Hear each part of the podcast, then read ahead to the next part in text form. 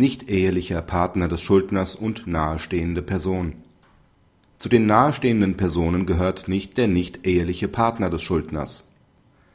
Die Klägerin begehrt als Insolvenzverwalterin über das Vermögen des Schuldners Wertersatz aufgrund einer anfechtbaren Grundstücksübertragung. Der Schuldner hatte das Immobil zunächst an seine Lebensgefährtin übertragen, die das Objekt sodann an ihre Mutter übereignete. Die gegenüber der Mutter erhobene Anfechtungsklage hat keinen Erfolg. Eine Anfechtung nach § 145 Absatz 2 Nr. 2 Insolvenzordnung scheidet aus. Danach kann die Anfechtbarkeit gegen einen Rechtsnachfolger geltend gemacht werden, wenn dieser zur Zeit seines Erwerbs zu den Personen gehörte, die dem Schuldner nahestehen § 138 Insolvenzordnung).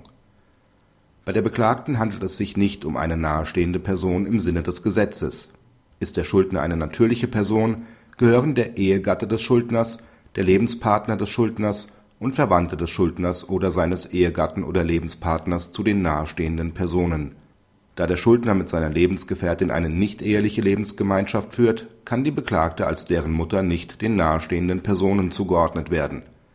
Der Wortlaut des § 138 Absatz 1 Nummern 1 und 1a Insolvenzordnung, der auf die rechtsverbindliche Schließung einer Ehe oder Lebenspartnerschaft abstellt, kann nicht auf faktische Lebensgemeinschaften erstreckt werden. Praxishinweis Die Entscheidung ist richtig. Die Lebensgefährtin des Schuldners mag, sofern sie mit ihm in häuslicher Gemeinschaft lebt, als nahestehende Person im Sinne des § 138 Absatz 1 Nr. 3 Insolvenzordnung einzuordnen sein. Für eine Erweiterung der Nähebeziehung auf Verwandte der Lebensgefährtin lässt das Gesetz keinen Raum